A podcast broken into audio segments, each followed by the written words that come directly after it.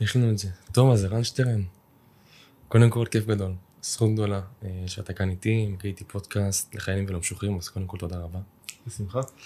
אה, מהמם, אז ככה לפני שנתחיל ונגלוש פנימה לראיון, אה, מי הוא ערן שטרן ומה אתה עושה היום? שאלה מעניינת, ככה, יצא להתעסק בה לא מעט בימים האחרונים, שנשאלתי כמה פעמים את השאלה הזאת, מי זה ערן. אז בגדול איך שאני תופס את עצמי היום, אני, אה, התפקיד שלי כאן זה להעיר אנשים, לעורר אנשים. אה, להעיר בעין, לא באלף. אה, לעורר אנשים לחיים שלהם, על החיים שלהם. אני חושב שיותר מדי אנשים סביבנו הם, אני קורא לדבר הזה Walking Dead, אנשים שהם מתים מהלכים, הולכים בלי תשוקה, הולכים בלי תכלית. חיים מתגלגלים בחיים, עוברים את החיים, ו- ו- וזה מביא הרבה מאוד כאב וסבל. ו- אהלן חברים וברוכים הבאים לפודקאסט לגזור את החוקר. בואו נדבר תכלס, אנחנו לא חיים באותו עולם שהיו חיים ההורים שלנו. פעם היה להם קל להחליט בדיוק מה הם יעשו אחרי שהם יגזרו את החוגר. עבודה מקצועית במפעל, או אפילו המסלול שאנחנו עודנו מכירים, תואר, עבודה ולפנסיה הבטוחה. היום הכל פתוח בפנינו, האופציות הן פשוט מטורפות, ודווקא בגלל שיש לכולכם הרבה הזדמנויות, אנחנו מוצאים את עצמנו משותקים, מבולבלים, ולא בטוחים מהי הדרך הנכונה עבורנו. ללכת לעשות תואר ולהיות שכיר, הייטק, נווד דיגיטלי, עצמאי בישראל, להקים עסק גדול, להיות מתווך, או אולי אפילו להיות משכנתאות או ספורטאי. אנחנו מבינים היום שלמידה תאורטית היא לא תקנה לנו אושר, לא באלף ולא בעין, וכישורי חיים זה הדבר שיידרש מאיתנו כדי לבנות את עצמנו, כדי לייצר הון לאורך זמן. אני מבטיח לכם שהפודקאסט הזה, לגזור את החוגר, שמכוון ישירות אליכם, חיילים ומשוחררים טריים, ולאלו שממש מעט לפני שחרור, לא ישאיר איתכם את שעם שאלה אחת פתוחה. אז יאללה, מתחילים. והרבה תסכול וחוסר סיפוק לחיים של אנשים, ובאמת אני מסתכל על הדברים שאני עושה ועל הפעילות שאני עושה ככזאת שגורמת לאנשים רגע לעצור את המסלול האוטומטי הזה של החיים ול- ולשאול את עצמם שאלות מהותיות על החיים שלהם, כמו מה אני רוצה באמת, ומי אני, ואיך אני אה, מביא את עצמי יותר לידי ביטוי בעולם, ואיך אני משיג את הדברים שחשובים לי בחיים שלי, ומהם הדברים החשובים לי בחיים שלי, כי גם על זה אנשים לא, לא תמיד יודעים לענות. אה, אז זה מה שאני עושה, אה, אני אלך קצת ככה היסטורית, אז פחות או יותר ב-17 שנים האחרונות זה מה שאני עושה, לפני כן אה, עבדתי הרבה מאוד שנים בהייטק, הייתי מנהל בכיר באינטל, אני בכלל תוצר קלאסי של חינוך מאוד מסורתי כזה של תלמד מקצוע טוב ותמצא עבודה בטוחה כדי שתוכל להפליג בביטחון עד הפנסיה, וחלק מהחיים שלי באמת צעדתי במסלול הזה, עד שעברתי בעצמי תהליך של להתעורר ולהבין שאני לא נמצא באיזשהו נתיב חיים ש... שאני באמת רוצה אותו, שהוא באמת טוב לי, ש... ובעיקר לא כזה שאני באמת בחרתי אותו, אלא יותר, אמ, אפשר להגיד, הוסללתי אליו, זאת אומרת שמישהו, שהסלילו לי את הדרך, אתה יודע, זה, אה, זה ככה היה עבורי. אה, זהו, יש לי שני פודקאסטים גם כן, כסף טוב, שמדבר על עסקים ויזמים שמשנים את העולם, ופודקאסט אה, נוסף שממש השבוע חגג את פרק 100 שלו, שנקרא עושים שינוי, שבו אני מראיין אנשים שעשו תהליכי שינוי וטרנספורמציה וממציאים את עצמם בכל פעם מחדש. אה, כתבתי שני ספרים, שני רבי מכר, להגשים, אה, שיצא לפני כעשר שנים, להתעורר, שיצא לפני כ... אה, כמה זה כבר? שש שנים גם כן. ויש לי הרבה מאוד פעילות ברשת, באתר שלי, הרבה מאוד וידאוים, פוסטים, הרבה מאוד תוכן, מי שיחפש בגוגל יגיע ויצלול לעולם תוכן מאוד מאוד רחב ועשיר. מהמם. אז קודם כל חשוב לי ככה שהמאזינים גם יכירו וידעו. אני התחלתי את דרכי באזרחות אצלך, בידיים שלך, ושם באמת התעוררתי לחיים. ובתהליך איתך באמת הבנתי בעיקר מהי המהות של החיים. יכול להגיד שבעזרתך אני חסכתי המון המון המון שנות כאב אה, שהייתי יכול לגלוש לתוכם אה, אל החיים וחסכתי אותם. אז מהות הפרק של היום זה ממש לעורר את ה... כל מי שמאזין לנו לחיים אמיתיים. אה, אז בואו נגלוש באמת. אמרת שבעברך ממש הכתיבו לך את, את ה, למסלול הרגיל, שזה באמת לעשות את התואר, לעבוד בהייטק, ומשם באמת סיימת את הקריירה שם והלכת למסלול כעצמאי. אה, למה עשית את זה? בוא, בוא נרחיב באמת על התהליך הזה, כל מה שהלך שם עד הרגע הזה שהחלטת שאתה מסיים את העבודה שלך ולמה עשית את זה. אמ, התשובה ללמה עשיתי את זה, כי פשוט הרגשתי שזה לא החיים שלי. מאוד פשוט. שאני חי חיים של מישהו אחר. עכשיו, זה מאוד מאוד אה, מאוד מתעתע, כי חיצונית היה לי את הכל. היה לי, אה, אתה יודע, תפקיד בכיר, מנהל בכיר עם- באינטל, חברה מצוינת, כל ההטבות, כל הפינוקים, כל מה שנקרא כלוב הזהב של ההייטק במיטבו, היה לי כבר בית, ילדים, משכנתה, אתה יודע, כל החבילה, חיים טובים, כאילו, מה אתה מתלונן? והכל חיצונית היה נראה פנטסטי, הבעיה היא שאתה יודע, חיצונית זה לא מספיק, בפנים הרגשתי כבוי, בפנים הרגשתי מתוסכל, הרגשתי שאני חי חיים שהם לא שלי, חיים של מישהו אחר, ושאני לא באמת אה, מביא את עצמי לידי ביטוי כמו שהייתי רוצה להביא, ולא, תמיד, ולא באמת אני עושה את הדברים ש, שכיף לי ונעים לי. עכשיו, חלק גדול מה, מהשנים שלי באינטל מאוד נהניתי, מאוד אהבתי את מה שעשיתי, עד שכבר לא. וכשזה כבר התחיל להיות כבר לא, אז באמת זה גרם לי להתחיל לשאול את עצמי שאלות מאוד מאוד משמעותיות. אני מבין אותך, וכשהשתחררת מהצבא, אתה ידעת שזה המסלול שאתה הולך אליו? כן, עוד לפני שהתגייסתי. אני בערך בגיל 12 או 13 היה ברור שאני אהיה מהנדס. לי היה ברור שאני אהיה מהנדס. למה לך זה היה ברור שתהיה מהנדס? כי שני האחים הגדולים שלי מהנדסים, כי בבית מה ש...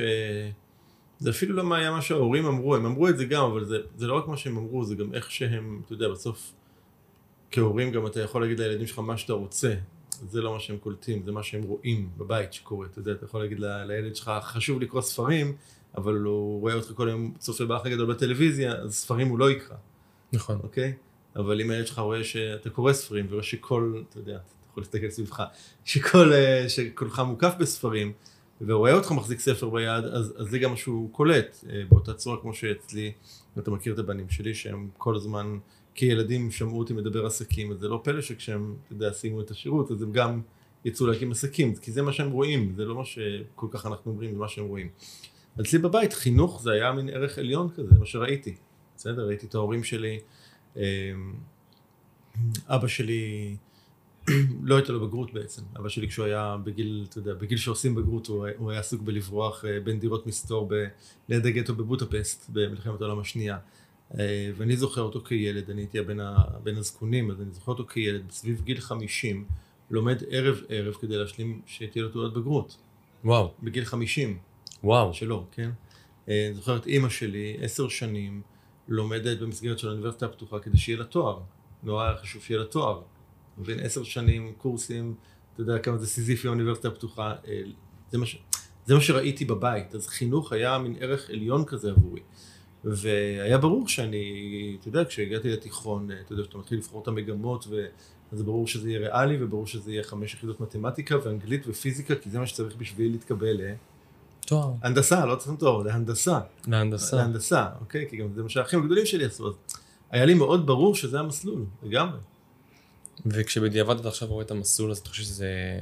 תראה, אני לא, אני לא במקום של להתחרט או להצטער על דברים שעשיתי, אני חושב שזה אחד חסר טעם, ושתיים, אני לא חושב שהיינו, שהייתי מגיע לאן שהגעתי אם לא הייתי עובר את מה שעברתי.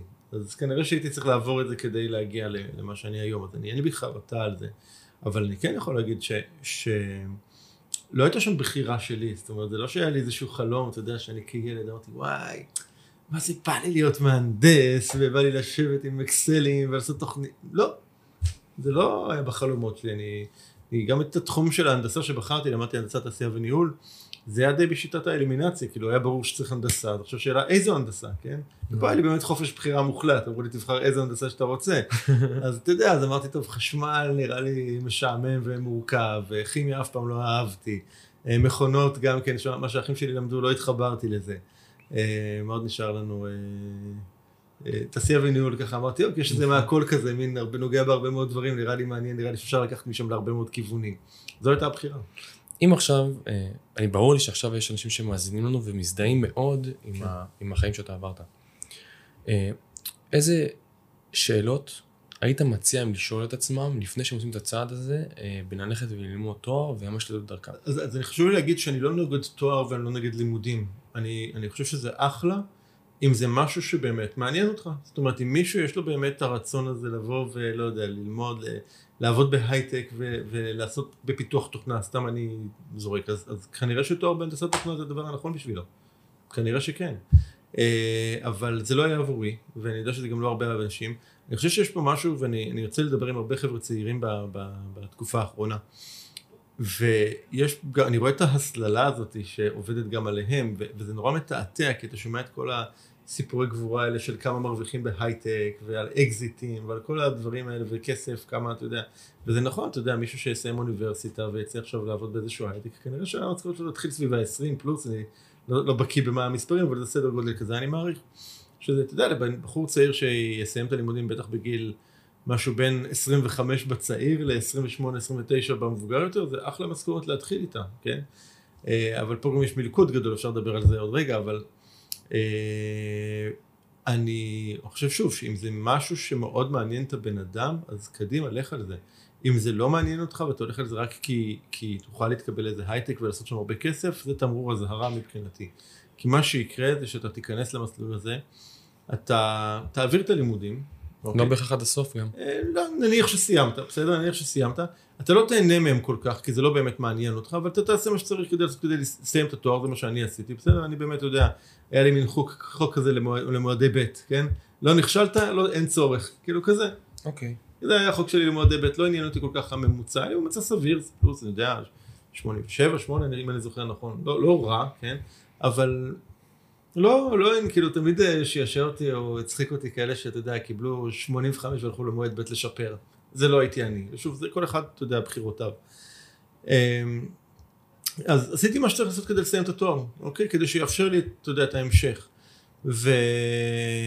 אז נניח נחזור למסלול, אתה תסיים את התואר ותיכנס באמת לאיזשהו הייטק ותקבל שכר גבוה כזה של איזה 20 פלוס לחודש, שזה סבבה.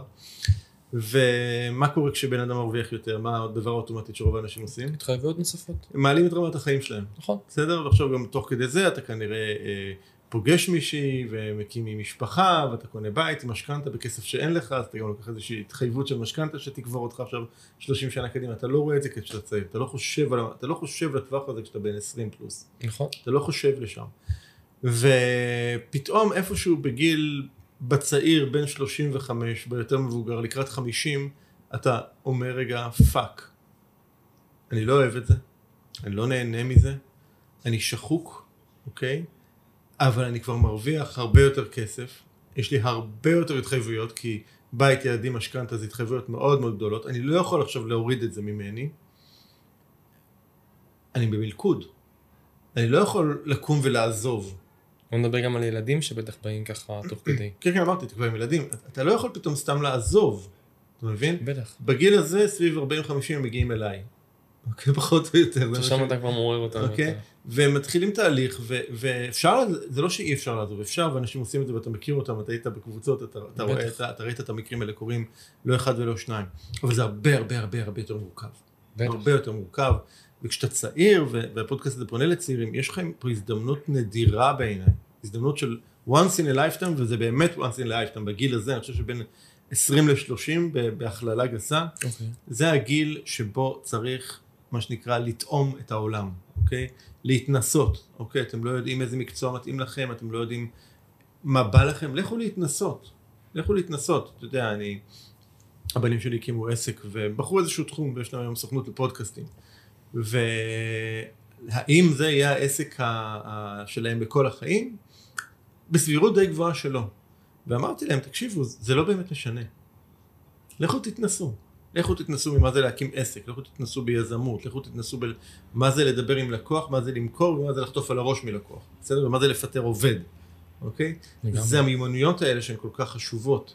ואחר כך, תוך כדי הדבר הזה, יפתחו לכם מלא מלא מלא אה, אפיקים חדשים נוספים שאתם לא, אין שום סיכוי בעולם שתראו אותם כרגע. זה לא יקרה. אתה לא רק יכול לשבת על הכורסה, על הספה, לעשות מדיטציה ולצפות שאתה, כל מסלול החיים שלך יקרה. לא. זה מלא מלא מלא אה, כל מיני אירועים שדבר מוביל לדבר ודבר מוביל לדבר ופתאום אתה מוצא את עצמך באיזשהו אה, נתיב חיים אחר, עושה דברים אחרים שלא היה לך שום מושג שהיית יכול להגיע אליהם. בסופו של דבר הזה, התנועה שאנחנו עושים מייצרת את ההזדמנויות. לגמרי, התנועה, זו הגדרה מאוד מאוד נכונה. התנועה היא, היא, היא הדבר החשוב, ואני אוסיף התנועה וההתנסות בדברים. כי מתוך ההתנסות הזאת אתה יכול להגיד רגע זה מתאים לי יותר וזה מתאים לי פחות. Okay. אוקיי. היה לי פעם, תחת דוגמה, היה לי פעם לקוח שהיה לו חלום להקים מסעדה. אוקיי. Okay. עכשיו, מסעדה בכלל, עסקי אוכל זה עסקים מאוד מורכבים ומאוד מסוכנים גם כלכלית, יש נכון. סיכון מאוד גבוה. ואמרתי לו, תקשיב, לפני שאתה נכנס להרפתקה כזאת, ואני לא אומר שאל תעשה את זה, זה החלום שלך סבבה, אבל לפני שאתה מתחיל להרפתקה כזאת, לך תמצא איזושהי מסעדה שאתה אוהב, תפוס שם את הבעלים או את השף, תגיד להם, אני רוצה להיות כאן, לעבוד כאן בחינם חודש. בסדר, אני אגיע, לא יודע, שניים שלושה ערבים בשבוע, תנו לי לעשות מה שאתם רוצים, אני רוצה להרגיש איך זה. כי מסעדה זה לא רק להיות במטבח ולצאת את המנות שלך, זה אופרציה, חתיכת אופרציה מורכבת. לך אתה לא מכיר אותה, איך תחווה אותה. זה שבן אדם יודע לבשל טוב או מעולה, זה לא עושה אותו עכשיו מסעדן. והוא באמת הלך, ועשה איזה תקופה מסוימת, והוא חזר ואמר, תקשיב, לא בשבילי. עכשיו תאר לך מה הבן אדם הזה היה עושה בדרך אחרת. הוא היה הולך, לוקח, לא יודע, משכיב עכשיו כמה מאות אלפים או עד מיליונים כדי לפתוח מקום, רץ עם הדבר הזה, ואז הוא במלכוד. או שהוא סוגר ומפסיד מלא כסף, או שהוא בעל כורחו צריך לתחזק את הדבר הזה. וגם זה לא יצליח, אם אתה לא מביא את התשוקה שלך ואם אתה לא מחובר לזה, זה לא יצליח. אז אני חושב שההתנסות כאן היא, היא מאוד מאוד חשובה, ואני חושב שבגיל צעיר זו הזדמנות כל כך טובה, כי אין לך על הגב כרגע, אתה לא סוחב יותר מדי משקולות, אוקיי? אין לך עוד בית, ילדים, משכנתה, אתה, אתה די חופשי, בסדר? אתה, גם אם עכשיו, זה גם משהו שאמרתי לילדים שלי, גם אם עכשיו תעשו עסק ותפסידו אפילו 100 אלף שקל, בסדר? שאני יודע שלחבר'ה צעירים 100 אלף שקל זה נשמע איזשהו סכום, שאלוהים יעזור לנו, נכון? נכון. לאבד 100 אלף שקל, לאף אחד זה לא כיף, לאף אחד זה לא כיף. אבל זה השיעור שמגיע. אבל, אבל, אבל כאילו גם כתציר, אז אמרתי אוקיי, אז אתם תלכו אחר כך תקראו את התחת שנתיים, אתם תחזירו את זה, אתם תתאוששו, אתם לא תתמוטטו מזה.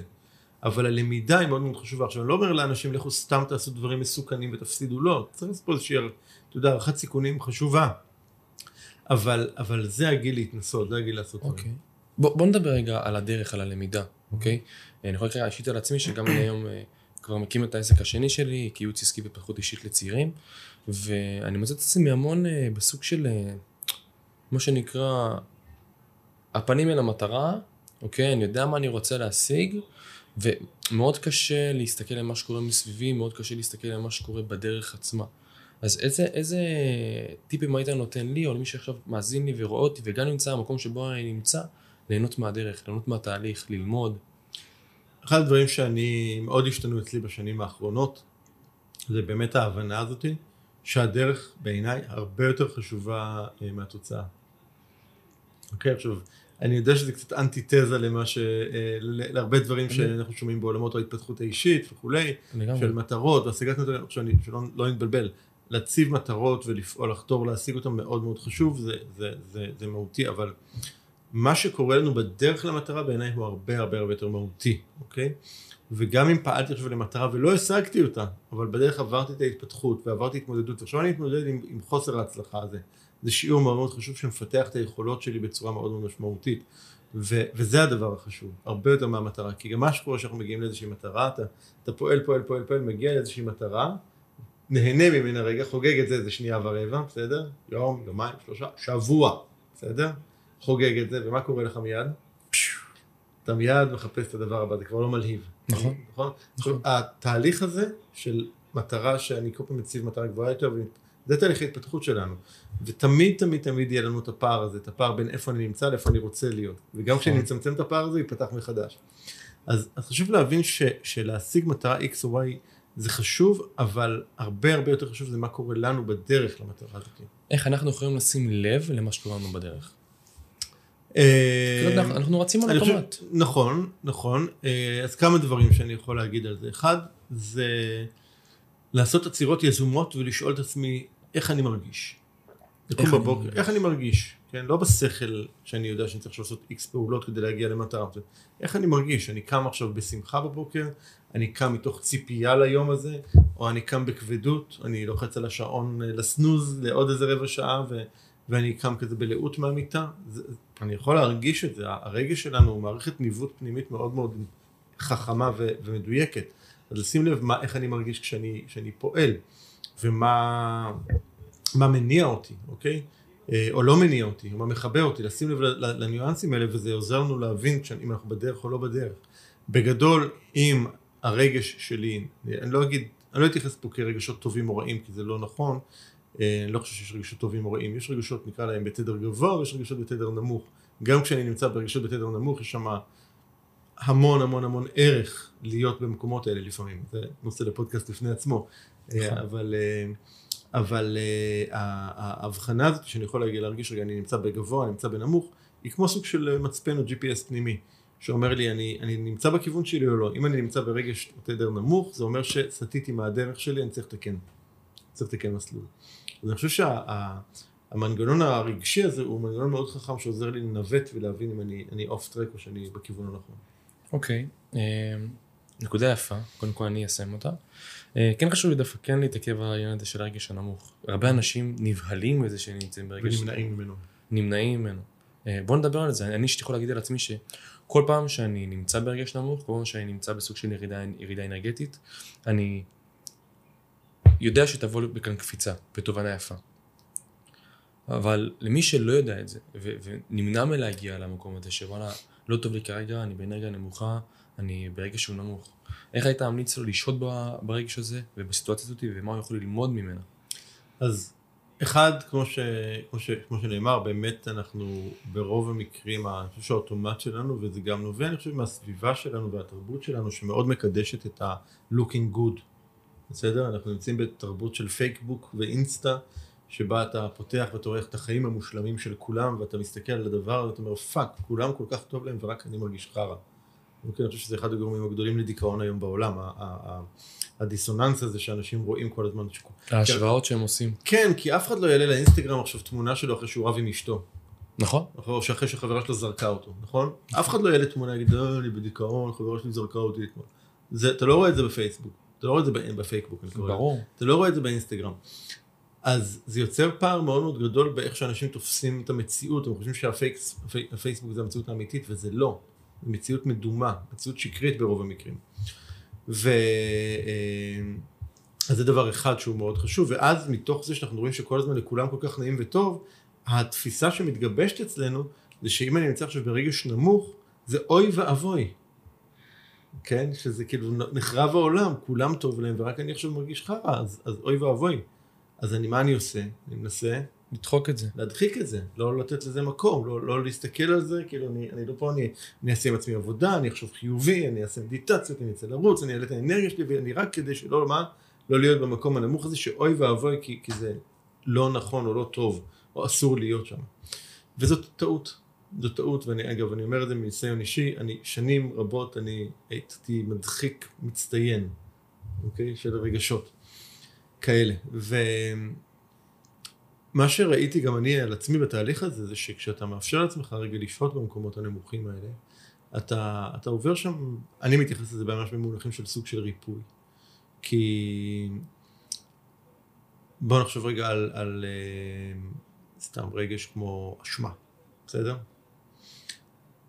אתה לא רוצה להרגיש אותו, אז אתה נמנע ממנו, נכון?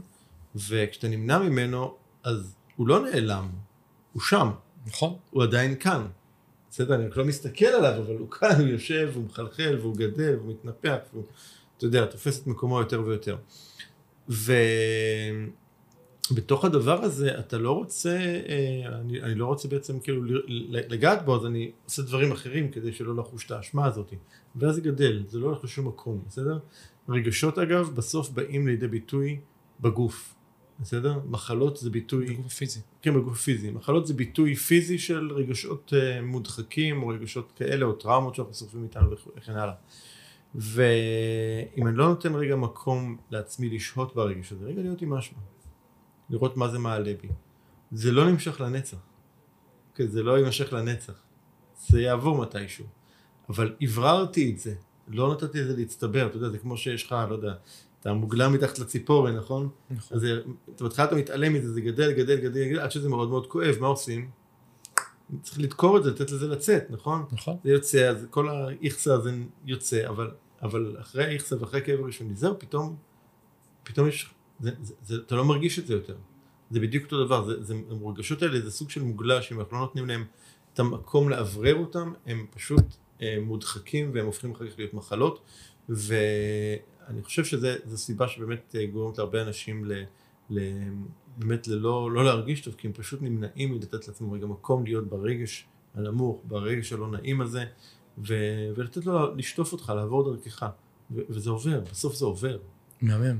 זה בדיוק לוקח אותי לשאלה נוספת שמקשרת לאותו נושא שאנחנו מדברים עליו. לצורך העניין עכשיו אה, חייל משוחרר שנמצא כבר בשחרור, כבר אה, חודשיים באזרחות, והוא נמצא במקום שהוא מבולבל, הוא לא יודע מה לעשות עם עצמו, המשפחה, לך תלמד, תעשה כבר משהו כן. מעצמך, הוא אומר שכולם לוחצים עליו. מה היית מציע לו לעשות כדי אה, לשהות רגע בנקודה הזאת ולשאול את עצמו את השאלות הנכונות? אז אני חושב שאחד, אין מה למהר בלהחליט עכשיו החלטות הרות גורל, כמו מחרתיים אני הולך ללמוד, ללמוד איקס. אני אגב, אני חושב שאחת הטעויות אצלי הייתה שלא לא אפשרתי לעצמי בכלל מרווח בין השחרור לבין הלימודים. זה היה אצלי מאוד קיצוני. אני, אני קיצרתי שירות בחודש וחצי, וואו. כדי שאני לא אפספס את שנת הלימודים. לא היה לך אפילו חופש. ביום חמישי הייתי בבקו"ם, ביום ראשון הייתי באוניברסיטה. וואו. את הטיול אחרי צבא עשיתי בגיל 40 ו... מה זה היה? 44 בערך. וואו. כן. אוקיי? אה, כי, כי, כי לא רציתי לפספס שנה, כן? לכאורה. אז, אז קיצרו לי חודש וחצי מהשירות כדי שאני אספיק לשנת הלימודים. ו... ולא אפשרתי לעצמי את המרווח הזה רגע של בעצם לשבות רגע ולהגיד אוקיי, מה, לאן מכאן? ולהיפתח לאפשרויות. אני מציע לחבר'ה צעירים ללכת לפגוש אנשים. אחד התרגילים שאתה יודע, בתוכנית אה, קיבלתם לעשות. ללכת לפגוש אנשים מכל מיני דיסציפלינות שונות, לדבר, לדבר איתם, לשאול אותם, להתייעץ איתם, לשמוע על מסלול החיים שלהם, על החוויות שלהם, על הלמידות שלהם. זה לא אומר שמה שתשמעו זה בהכרח הדרך שלכם, זה לא אומר מה שאתם שומעים ממני זה בהכרח הדרך שלכם, לא, זה הדרך שלי. כל אחד צריך לבחור את דרכו. אבל זה כן לקבל עוד פרספקטיבות על הרבה מאוד אפשרויות שכרגע אתם לא רואים אולי. כי רוב האנשים מסתכלים מהצבא, הפרספקט... האפשרות העיקרית שהם רואים, האפשרויות העיקריות שהם רואים זה לימודים. לימודים או טיול ארוך ואז לימודים. בסדר? כאילו נכון. זה, זה, זה פחות או יותר המסלול, מסלולים. אז אני חושב שיש עוד הרבה אפשרויות, וזה פשוט לתת, לתת רגע את, את, את, את הזמן להתאפס ולהבין מה הכיוונים ש, שנראים. לשאול את עצמי מה אני אוהב, מה בא לי, מה מעניין אותי, מה מושך אותי, אוקיי? כאילו, אוקיי, אז אוטומט כל החברים שלי הולכים להייטק, אחלה, למה? ויכול שאני גם רוצה, זה גם בסדר, אבל תשאול את עצמי למה אני הולך. אני הולך כי כל החברים שלי הלכו לשם, כי ההורים חושבים שזה טוב, כי יש בזה כסף, בעיניי אלה תשובות גרועות. איפה, איפה אתה פה? בדיוק מה אתה רוצה. מעניין אותך התחום הזה? מושך אותך? מלהיב אותך? אחלה, לך על זה. לא? בוא תחפש מה כן. אם זה בגלל כסף, לצורך העניין. אני חושב ש...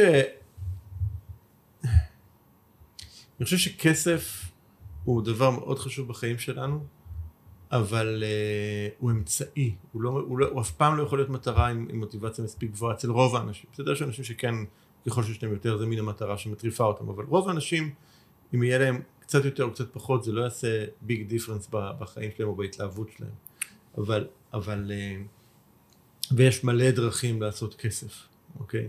שאגב, רוב האנשים נעולים על דרך אחת, שזה לעבוד עבור מישהו אחר, להחליף זמן בכסף, ללכת למקום שנקרא עבודה ולקבל משכורת בסוף החודש. רוב האנשים זה המסלול חיים שלהם, זה מה שהם מכירים. ויש עוד מלא אפשרויות אחרות. אוקיי? יש השקעות, ויש מקורות הכנסה מרובים, ויש אה, מלא מלא דברים שאתה יכול לעשות עם ידע והכישרון שלך, יש מלא דברים שאפשר לעשות כדי לייצר כסף, לא רק להחליף שעות בכסף. אבל אבל רוב האנשים לא מסתכלים על זה, תמצאו מה עושה לכם טוב, מה מעניין אתכם, מה מסקרן אתכם. תמיד תלכו אחר, בעיניי, אחר מה שמסקרן אתכם, ותשאלו איך הדבר הזה יכול גם לייצר כסף. יהיו מקרים שיהיה ברור אולי שתראו שכן, יהיו מקרים שלא, ויכול להיות שיהיה משהו שמאוד מעניין אתכם ולא תצליחו למצוא את הדרך לעשות בו כסף. אחלה, תמשיכו לעשות, תמצאו משהו אחר שייצור לכם את ההכנסה.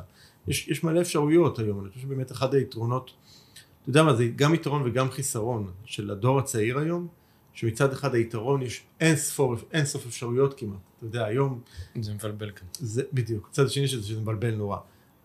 פעם, אתה יודע, סבא שלי היה חייט, אבא שלו היה חייט, אבא של אבא שלו, כאילו סבא של סבא שלי היה גם חייט. למי שלא יודע מהו חייט, חייט זה מי שתופר בגדים, אוקיי? ואבא שלי כאילו שבר את השרשרת, כבר לא היה חייט, למרות שבבית מי שתפעל את המכונת תפירה זה היה אבא שלי. אוקיי. הוא- אני, אני, כילד יש לי תמונות עם מכנסיים שהוא היה תופר לי, כן? אה, כי זה מה שהוא ראה בבית. אז אתה יודע, זה היה נורא ברור אז לסבא שלי למשל, ש, שהוא הולך להיות חייט, כי אבא שלו היה כזה. נקודה, אין בחירה, אין אפשרויות, נורא ברור. היום זה לא ככה. יש לנו בחירה, יש לנו אפשרויות, יש לנו הרבה מאוד אפשרויות. והעניין פה זה באמת להתחיל להתנסות בדברים ולראות מה הדברים שבאמת עושים לנו את זה. מהמם. אחד הדברים שאני זוכר שאני עברתי איתך בתהליך, בתוכנית, אה, אחד התרגילים שהיה לנו, אני זוכר שבין בין כל חודש לחודש היית נותן לנו אה, משימה, כן, מספר לא, אנחנו לא משימות. חושפים משימות, כן? לא חושף. אה, הרגל, אפשר לחשוף הרגל? הרגל, כן. הרגל. אה, ההרגל לדעתי השני שהיה לנו זה להכיר תודה על השפע של הזמן שיש לנו. נכון. ולדעתי זו נקודה שהיא כל כך חשובה אה, למי ששמע אותנו, כי כשאנחנו משתחררים מהצבא, אנחנו כל הזמן מרגישים ש- שאין לנו זמן לכלום. הכל לח- לחוץ, לעשות ככה ולהספיק ככה ולהספיק ככה ולהספיק ככה, וצריך להבין שדווקא בנקודה הזאת יש לנו שפע מדהים של זמן. חכו שיהיו לכם ילדים ואז תבינו מה זה אין זמן. כן, בדיוק. יש, יש שפע של זמן, ואני... אתה מכיר את המשל של העז? לא? לא מכיר. היה איזה משפחה מאוד ענייה. כן, אוקיי. וגרו בבית מאוד מאוד קטן עם הרבה ילדים, לא היה להם שם מקום לכלום. ואותו אחד, בחור עני, בא לרבי ואומר לו, רבי, רבי, בוא תעזור לי, אנחנו כל כך צפופים פה, אנחנו לא מסתדרים פה כל כך, אנחנו, אנחנו, אין לנו מקום לשום דבר, מה אני יכול לעשות? הוא אומר, יש לך עז? הוא אומר, כן, יש לי עז. הוא אומר, תכניס אותה לבית שתגור איתכם. הוא אומר לו, מה? אין, אין מקום? הוא אומר לו, תכניס את העז הביתה שתגור איתכם. כמה זמן? חודש שתגור איתכם בתוך הבית. לא בחצר, אצלכם איתכם בבית. טוב, אתה יודע, הוא מעריך את הרבי, את העצה שלו, מכניס את העז הביתה, ואז חודש הם סובלים, והיא מסריחה, והיא מחרבנת, ואוכלת את ה... את ה... אוכלת להם את האוכל מהשולחן, ועושה להם בלאגן, וזה וזה וזה. אחרי חודש הוא בא לרבי, הוא אומר לו, רבי, מה עשית לי, אחים שלי, זה כאוס, מה אני עושה עכשיו? הוא אומר לו, עכשיו תוציא את העז. ואז הוא מוציא את העז, ופתאום, אה, כאילו, הכל פתאום שקט, הכל פתאום נרגע, פתאום פתאום יש מרווח, פתאום יש מקום. אז, אז זה קצת כזה, אתה יודע, אז אה, אנחנו חושבים שהחיים, אתה יודע, שאין לנו זמן, זמן זה עניין של סדרי עדיפות. סדרי עדיפות. סדרי עדיפות, אתה יודע, אני שומע אנשים שאומרים, אין לי זמן, אין לי זמן, אין לי זמן, מה עשית אתמול בערב? ראיתי האח הגדול, Mm. אוקיי? מה עשית? אני פה בפייסבוק, אני, כמה זמן אתה בפייסבוק? לא יודע, תמדוד כמה? שלוש וחצי שעות ביום. אתה יודע, כל מיני דברים כאלה. אז יש זמן. השאלה מה אנחנו עושים בזמן הזה, ואיפה אנחנו משקיעים אותו, ובמקום ללכת לכל מיני דברים שמסיחים את דעתנו, אם נשים את הזמן בדברים שבאמת חשובים לנו, תראו שאתם תמצאו זמן. ל... אתה יודע, אתה מכיר, אתה מכיר את האנשים, יש, יש לנו, סתם דוגמה, דרך מישהי שהשתתפה אצלנו בתוכנית בעושים שינוי. היא עבדה מנהלת בכירה בבנק ישראל, אוקיי? היא הייתה בתוכנית שמונה חודשים עם בעלה. אה, באותה תקופה זה גם היה תוך כדי ההיריון החמישי שלה, תוך כדי שהיא מסיימת תואר שני, אוקיי? ללמוד תואר שני. כל הדברים האלה קרו באותה, באותו זמן. גם ו- פתחה עסק לדעתי. ו- אה, והיא הקימה עסק, נכון, היא. פתחה עסק. היא גם הקימה עסק והקימה אה, עוד איזושהי יזמות עם בעלה. כל הדברים האלה, אז, אז אתה אומר כאילו, מאיפה כל הזמן? כאילו עכשיו אני מזכיר, הריון חמישי, זאת אומרת יש גם ארבעה ילדים בבית. זאת אומרת, והיא מצאה זמן, סדר עדיפויות. זה סדרי עדיפויות. שימו לב, חבר'ה, זו נקודה שהיא מאוד מאוד חשובה. כן. מהמם. ערן, איך אתה מגדיר הצלחה? איך אני מגדיר הצלחה? אמ,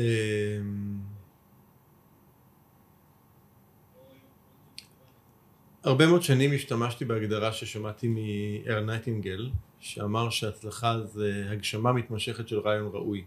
כלומר, כל עוד בן אדם פועל בצורה מתמשכת לעבר מה שנקרא הרעיון הראוי שלו, זו הצלחה. עכשיו, רעיון ראוי זה משהו מאוד ספציפי, זה לא סתם מטרה או יעד, אלא הגדרה של רעיון ראוי זה, זה משהו שאני מוכן להחליף את חיי עבורו. מה זה אומר? זה נשמע קצת אולי קיצוני לחלק מהאנשים, מה זאת אומרת מטרה שאני מוכן להחליף את חיי עבורה? אז אני אשאל אתכם, האם אתם מכירים אנשים שקמים בבוקר ונוסעים בוקר בוקר למקום עבודה שהם לא אוהבים? מכירים אנשים כאלה? יותר מדי. יותר מדי. אה, האם אתם מכירים אנשים שקמים בבוקר בוקר בוקר לתוך מערכת יחסים שהם לא אוהבים? לתוך קשר שהם לא אוהבים? המון. המון. מה אלה ואלה עושים? הם מחליפים את חייהם, כל רגע ורגע בחייהם, תמורת משהו שלא ראוי עבורם. וואו. אם אני, אם אני קם והולך למקום עבודה 10-12 שעות, אני עובד שם, החלפתי 10-12 שעות מחיי תמורת משהו שאני לא רואה אותו כראוי עבורי. אם אני נמצא בקשר לא, שלא טוב לי, קמתי והחלפתי עוד 24 שעות מחיי תמורת משהו שלא ראוי עבורי.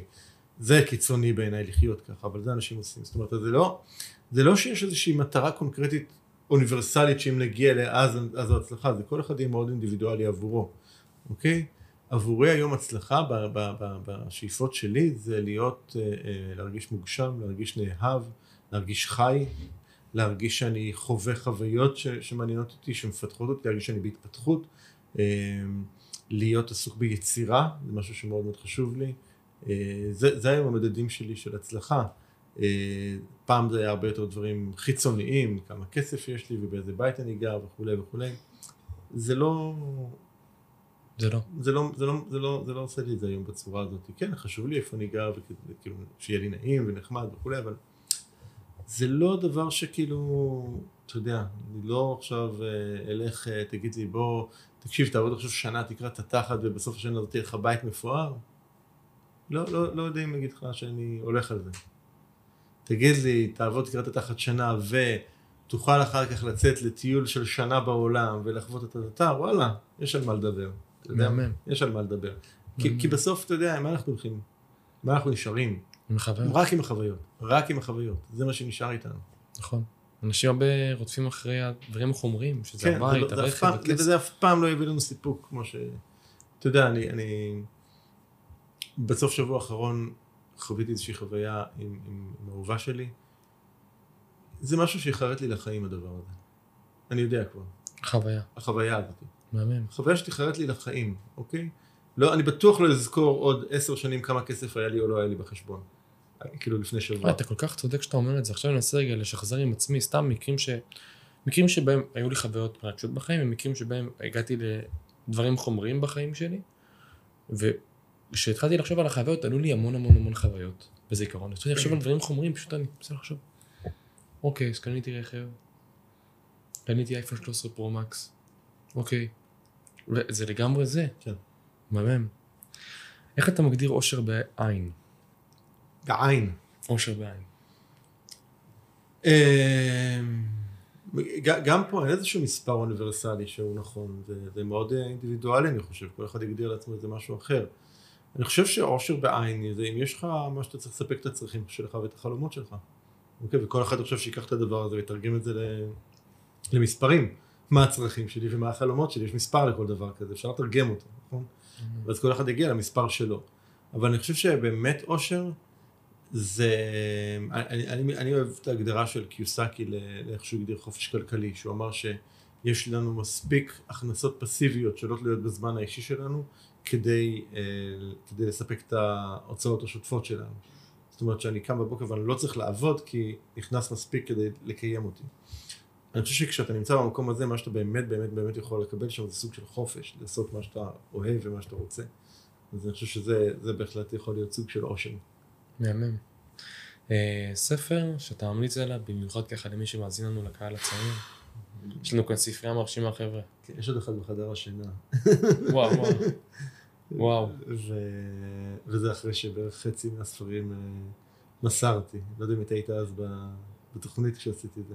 לא, עשית. את המסירה בתוכנית? כשעברתי לכאן לגור פה לפני שנתיים, אז אה, אה, ממש פה ישבתי על הרצפה של המצלמה שלך, והיו כאן בערך איזה עשרה ארגזים של ספרים, וואו. והתחלתי למיין אותם. ולקחתי כל ספר והחזקתי אותו, ושאלתי את עצמי האם הוא עוד אה, מהדהד לי, כאילו, ואם כן, שמתי בערימה אחת, אם לא שמתי בערימה השנייה. מסרת, ואז הבאתי את זה לקמפוס איפה שאנחנו עושים את המפגשים, ועדכנתי את הלקוחות, תגיעו למפגש קהילה, אמרתי להם, תגיעו מוקדם, אני מביא ספרים. בערך, אני חושב שמסרתי משהו כמו 300 ספרים. וואו. כן. אז זאת אומרת שכל ספר שנמצא פה זה ספר עם משמעות. שהוא, כן. אני חושב הצטרפו כבר בשנתיים האלה עוד ספרים, אבל כן. שזה תלוי, יש ספרי קריאה שהם פחות כאלה דרמטיים, אבל אתה יודע. מה- דעתך- על ספרים? היום, אתה יודע, יש בעידן שלנו המון פודקאסטים אה, וספרי שהם אני. מאוד אוהב, תמיד אהבתי ספרים, אני מאוד אוהב, אני... יש לי את האפליקציות של הקריאה, של, אתה יודע, של לקרוא וקינדל וכל אלה, לקרוא על הטאבלטים וזה. אה, אם אני נמצא בחו"ל ואני מסתדר תקופה ארוכה וזה, אז אני אשתמש בזה בדיגיטלי, אבל אני, בסוף תן לי להחזיק את הספר ביד, לפתוח, להסתכל במילים, זה, זה, זה עושה לי את זה... אני אוהב, אתה רואה, אני מוקף בספרים. מה הערך שאתה רואה בספר? אני חושב שספר הוא... כסופר גם. קודם כל כסופר זה, זה אחת הדרכים לביטוי עצמי הכי משמעותיות שיש. אתה יודע, אני, ספרים, יש ספרים שנכתבו לפני שנים והם פה על המדף ואנשים קוראים אותם והסופר כבר מזמן לא בחיים והמורשת שלו עוד מהדהדת, זה בעיניי מדהים, מדהים כשאתה יכול להיות במקום כזה. אה, זה לסופר. ולנו, אני חושב, הקוראים, אני חושב שזה אה, מין מקום כזה שאתה מקבל בספר בהר- בהרבה מאוד פעמים איזשהו סוג, של זיקוק אה, של, אה, של, סתם אם אנחנו מדברים על ספרים בעולם ההתפתחות, אז זה זיקוק של תובנות חיים, שאתה יכול עכשיו לחיות חיים שלמים כדי לנסות לגלות אותם, ופתאום מישהו כבר חווה ותמצת והביא לך איזה מזוקק שאתה יכול לקחת ולהשתמש בזה. אני חושב שזה כלי מאוד מאוד מדהים.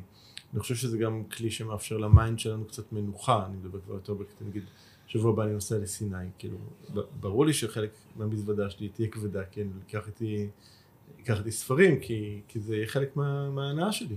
לשבת רגע ושיש לך פנאי יותר לקרוא ו- ולהיכנס לעולם. אה, ויש גם ספרים שהם, אתה יודע, אני, יש ספרים שהם לא איזה שהם, יש פה סתם למדע פרות, כל מיני ספרים של, אה, אתה יודע, ספרי טיסות כאלה, אני קורא להם, ספרי פנאי. אוקיי. אוקיי? כאילו, אני קורא את הספר, תשאל אותי על מה היה הסיפור, אני לא זוכר. לא זוכר. כאילו, קרה לי כבר פעם שאני, לפני נסיעה, אני לוקח פה ספר, קראתי או לא קראתי? אני לא זוכר, לא, לא סגור על זה. כי זה לא השאיר עליך איזשהו רושם, אבל זה היה הנאה של סיפור שלך, זה כמו לראות סרט טוב, אתה יודע. לא את כל הסרטים אתה תזכור, נכון? נכון, נכון. אבל היה, אבל, אבל בילית עכשיו שעתיים שהיו כיפיות. אחלה. אוקיי, אז מה- מה מה היתרונות שאתה כן רואה בסופו של דבר בספרים, למי שכן חושב על לקרוא ספר והוא מתקשה לעשות את הצעד הזה? אמ, אני חושב שבעידן של היום, אמ, היכולת שלנו ללמוד וללמד את עצמנו, מה שנקרא, או להיות אוטודידקט כזה, היא, היא מהותית. כאילו, אתה... הרגיל אותנו בבית ספר שמישהו מגיע ומקיא עליך את החומר, בסדר? נכון. או באוניברסיטה גם כן. זה כבר לא ככה. אוקיי, היום. זה כבר לא ככה. היום אני חושב שאנשים לומדים מלא מכל כך הרבה דברים, זה ספרים, וזה פודקאסטים, וזה קורסים, וזה הרצאות, יש כל כך הרבה אפשרויות. ואני חושב שהספרים זה אחד הדברים שהם לדעתי here to stay. גם, גם ספרים מודפסים אגב, אני לא... אני חושב ש... לפחות אני חושב בתקופה הקרובה, איך שאני רואה את זה, לפחות את שבני דורי ייעלמו מהעולם. אה, ספרים לא הולכים כל כך מהר בפורמט הפיזי שלהם להיעלם, אני חושב שהם יישארו. אה, אגב, עובדתית מוציאים יותר ויותר ספרים כל שנה. יש יותר ויותר ספרים כל שנה. אנחנו סתם בישראל, לסבר את האוזן, בישראל כמות הספרים שיוצאת, ניתן פה סטטיסטיקה לפני כמה שנים, הייתה לי הוצאת ספרים תקופה מסוימת, אז אני וואלה. מודה מספרים, כן. אז כמות הספרים שיצאה פה בארץ היא פחות או יותר כמו כמות הספרים שיצאה בצרפת בתקופה מקבילה. רק שבצרפת יש בערך פי עשר אוכלוסייה גדולה יותר. לחשוב את המשמעות של הדבר הזה.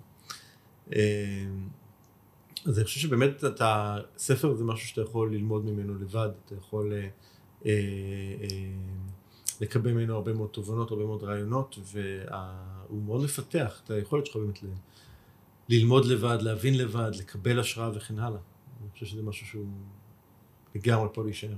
ספר שמאוד השפיע עליך? היו מלא. הספציפי שאני, נראה לי שאני יודע את זה. בדרך כלל התשובה שלי זה חשוב והתעשר, אתה מכיר את זה? של נפוליאון היל.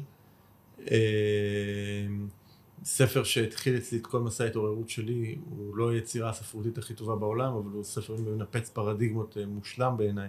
זה היה בעשירה באני, ממנו התחיל תהליך ההתעוררות שלי, של רוברט קיוסקי, אה, והיו מלא מלא מלא ספרים טובים. כאילו, באמת, אני, אני מאוד אוהב ביוגרפיות של אנשים? של אנשים.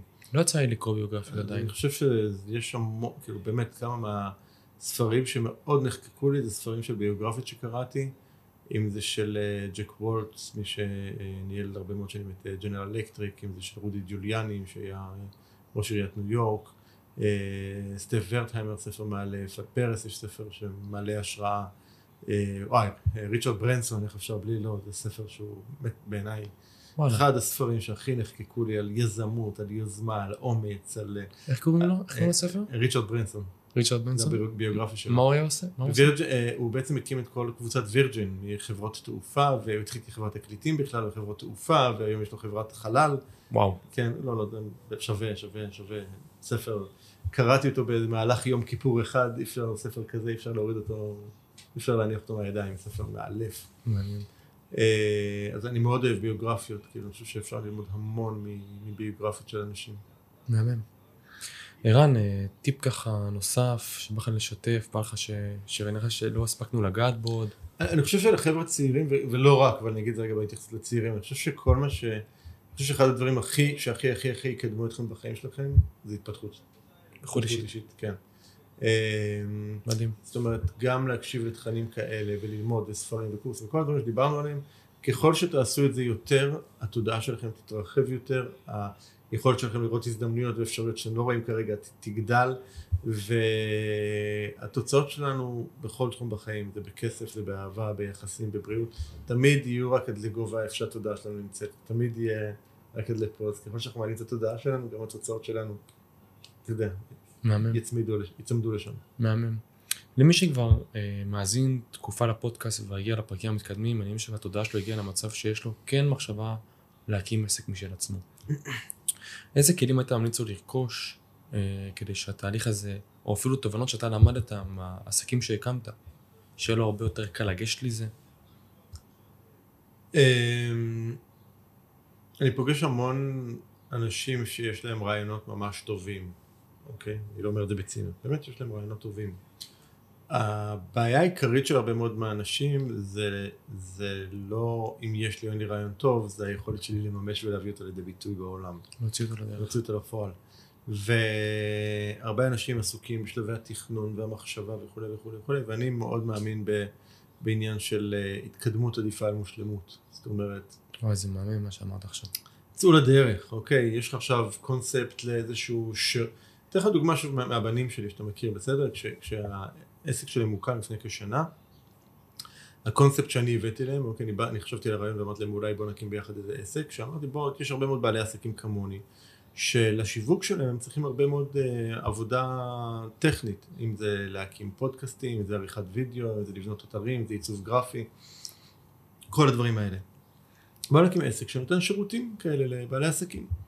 והתחלנו לרוץ, ובהתחלה הם נתנו את כל השירותים האלה. כל פעם היה מגיע פרויקט, כל פרויקט זה היה משהו אחר, כל פרויקט זה היה לקוח אחר, חלק הסתבך, חלק הצליח, אתה יודע. ולאט לאט מתוך הדבר הזה, הזדקק הדבר הזה שהגדולה שלהם באמת זה בפודקאסטים. והיום הם מיקדו את כל הפוקוס שלהם לסוכנות פודקאסטים. זאת אומרת בעצם לצאת לדרך. כן, עכשיו, הם לא יכולים להגיע לדבר הזה אם הם לא את, את החצי שנה לפני כן של ה... להתבחבש קצת עם הדברים באיזושהי צורה. כן, זה לא היה קורה. וההתבחבשות הזאת היא חשובה, יש לה ערך. יש לה ערך. ובאמת לצאת לדרך ולהבין ש... עדיף לי להתחיל ולהתקדם ולעשות משהו מאשר לחכות שהכל יהיה מושלם. מהמם, ערן. אה, תודה רבה לך. היה סופר מרתק, פרק קצר, קולע, ממוקד, עם ים של ערך. שאלה שאתה אוהב לשאול. כן. אתה יודע מה רק לשאול אותך? יש לי השערה, אבל בוא נראה. אוקיי, ערן. אה, אני אכניס את זה דווקא אליהם. אם היה לך אפשרות עכשיו לשים שלט חוצות ענק ביציאה מהבסיס הכי גדול שיש בארץ. Okay. אוקיי. משפט ככה מעורר השראה, כל החיילים ככה יוצאים מהבסיס, רואים את השלט שרשום עליו משפט. מה היית רושם שם?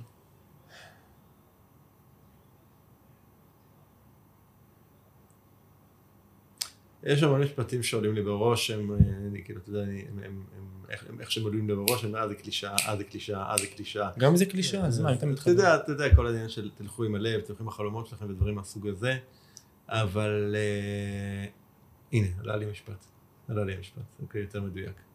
לא שהמשפטים האלה שאמרתי קודם הם לא, הם לא נכונים, אבל המשפט שאני הייתי אומר להם זה קחו את הזמן.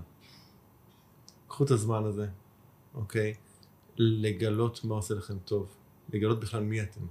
אני חושב שאתה בגיל 20, 21, 22, 23, מתי שאנשים משתחררים, אתה לא באמת יודע מי אתה, כי עד אז אתה מעוצב על ידי סביבה ומערכת, אוקיי?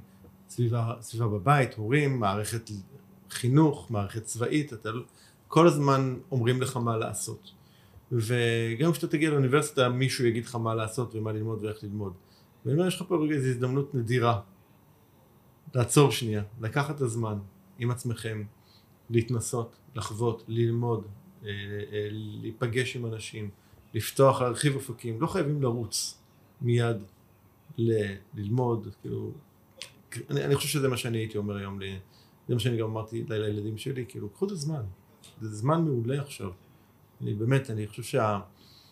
לא צריך לרוץ לתוך המסלול חיים הזה של לימודים, חתונה, הילדים, אה, עבודה, משכנתה בית, כי לא חייבים לרוץ אליו, תוכלו לעשות אותו, יש זמן לזה.